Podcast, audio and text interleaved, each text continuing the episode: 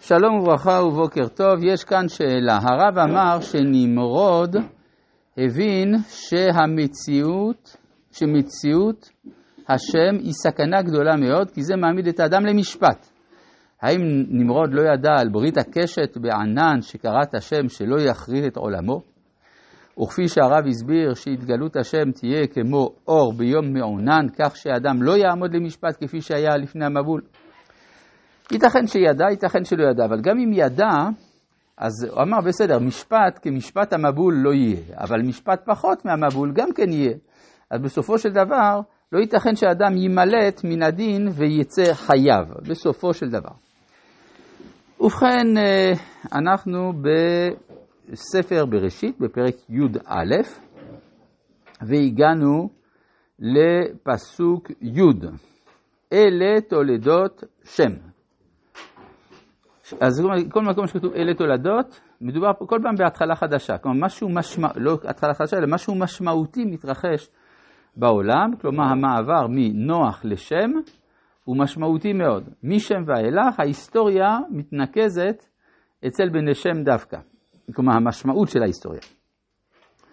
אלה בני שם, שם בן מעט שנה. עכשיו שימו לב, גם פה יש לנו דוגמה. ש... נכון, גם זה שמה. כן, אלא שיש הבדל בין סוגי תולדות. יש תולדות עם שני ו"ים, או עם ו"ו אחת, או בלי ו"ו. רק בשני מקומות מצאנו תולדות עם שני ו"ים. אלה תולדות השמיים והארץ, ואלה תולדות פרץ. כלומר, בהתחלה של כל ההיסטוריה, ובשושלת המשיחית, שמשלימה את ההיסטוריה.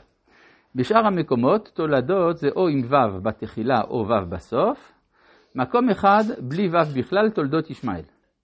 זאת אומרת שיש מדרגות במשמעות, אבל ברור שיש משמעות, כפי שאנחנו גם נוכיח כשנלמד על ישמעאל בהמשך. אה, אלה תולדות שם שם. שוב, יש לנו כמו אלה תולדות נוח, נוח, אז גם אלה תולדות שם שם.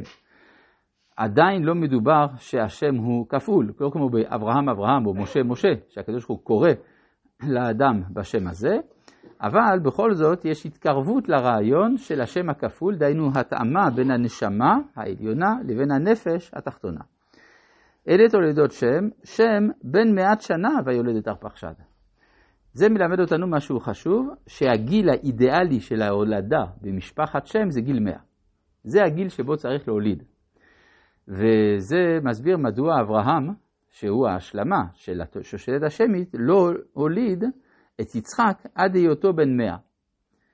ולכן היה צריך סבלנות, שאולי חסרה שמה, אבל היה צריך לחכות עד שאברהם יהיה בן 100. אז גם פה הגיל האידיאלי זה 100. למה 100? אמרו חכמים במסכת אבות, בין חמש למקרא, בין עשר למשנה, חמש עשרה לתלמוד, שמונה עשרה לחופה, מה הדברים האלה אומרים? שבכל גיל וגיל אדם קונה איזושהי אה, תודה, איזושהי אה, הכרה שלא הייתה לו מקודם, תובנה שלא הייתה לו מקודם. ולכן אי אפשר להטיל על האדם אחריות על החיים כל זמן שהוא לא מיצה את כל הידיעות שצריך שיהיו לו על החיים. לכן רק בגיל 100 אפשר להתחיל לחיות. זה מסביר מדוע גם משה חי 100 ו-20 שנה.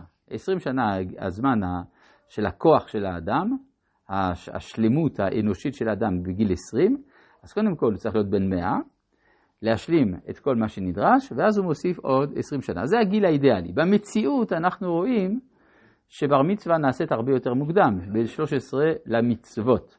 אבל יש לזה אה, סיבות שנצטרך לדבר עליהן בהמשך, אבל רש"י אומר שלעתיד לבוא יחזור המצב של בן עונשין בגיל 100.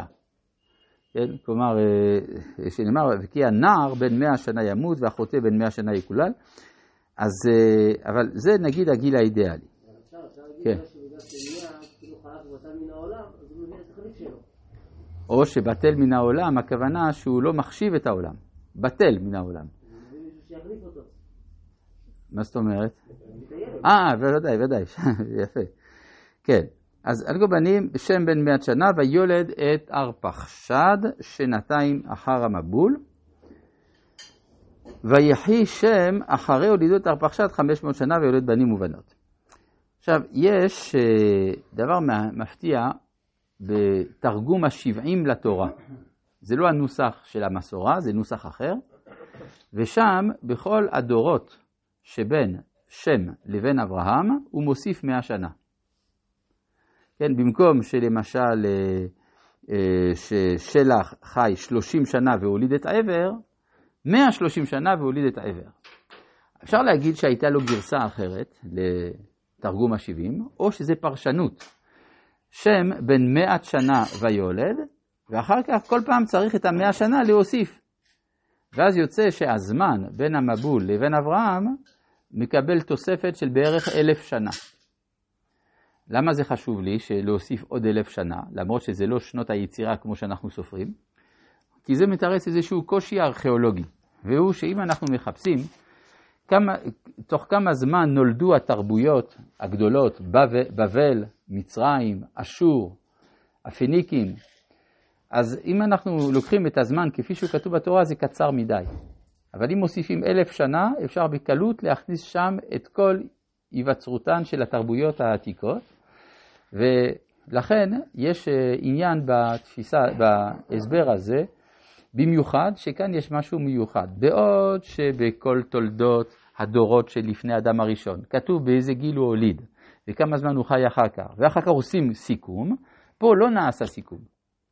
אז אולי זה, הכוונה רצה, התורה רצתה לרמוז שבעצם הזמן היה יותר ארוך ממה שנראה במבט ראשון. אז אה, ויחי שם אחרי הולידו את ארפחשד חמש מאות שנה ויולד בנים ובנות.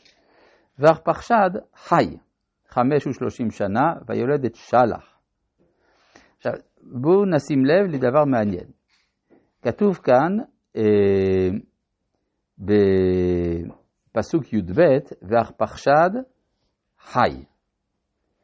גם נסתכל בפסוק י"ד, כתוב ושלח חי. אם מסתכלים בפסוק י"ז, פסוק ט"ז, ויחי עבר, לא כתוב ועבר חי. אחר כך כתוב ויחי פלג, לא כתוב ופלג חי. רק לגבי שלח וארפחשד ושלח, התורה השתמשה בביטוי שונה מהביטוי הרגיל. היא אמרה וארפחשד חי ושלח חי. אני רוצה לטעון, זה גם אפשרות לקרוא את זה ככה, שחי הכוונה חי אחרי מות אביו. כן, ויחי, אביו עדיין היה חי, אבל אדם כשהוא ללא ההורים, הוא עצמאי לגמרי.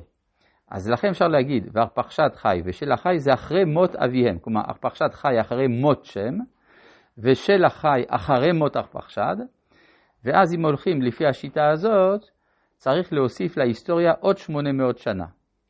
אופן אחר ליישב את הקושי הארכיאולוגי שדיברנו עליו מקודם. כן. למה התורה מציגה את הדברים בצורה שונה אצל ארפחשד? אז אה, למה דווקא אצל ארפחשד? ארפחשד ושלח, למה התורה מציגה את הדברים בצורה של חי אחרי מות אביו? כן, כי אחרי זה הם חיו, כן, כי התורה רוצה ליצור, קודם כל כדי שיהיה איזשהו מעבר בין תקופות של 900 שנה של חיים לתקופות של 400 שנה של חיים. אז יש משהו באמצע. דבר נוסף, זה בא לומר שה... שזה מסודר באופן שייווצר הרושם של סמיכות הזמנים בין אברהם לפלגה. למרות שיכול להיות שמבחינה היסטורית, כשאברהם מופיע כבר הפלגה מאחורינו הרבה. אבל זה חשוב שאנחנו נבין שהופעתו של אברהם היא על רקע דור הפלגה, ולכן הרושם הראשון נוצר בצורה כזאת. בעצם הנמרוד של אברהם זה וילוד או נמרוד? נכון, נכון. עכשיו, זה בכלל, אנחנו אה, נראה גם בהמשך, יש, אה, יש הוכחות לזה, שהתורה כתובה באופן שייווצר רושם מסוים בקריאה הראשונה, ורושם אחר בקריאה השנייה. רש"י אומר את זה במפורש בסוף הפרשה, אנחנו בעזרת השם עוד נגיע לזה.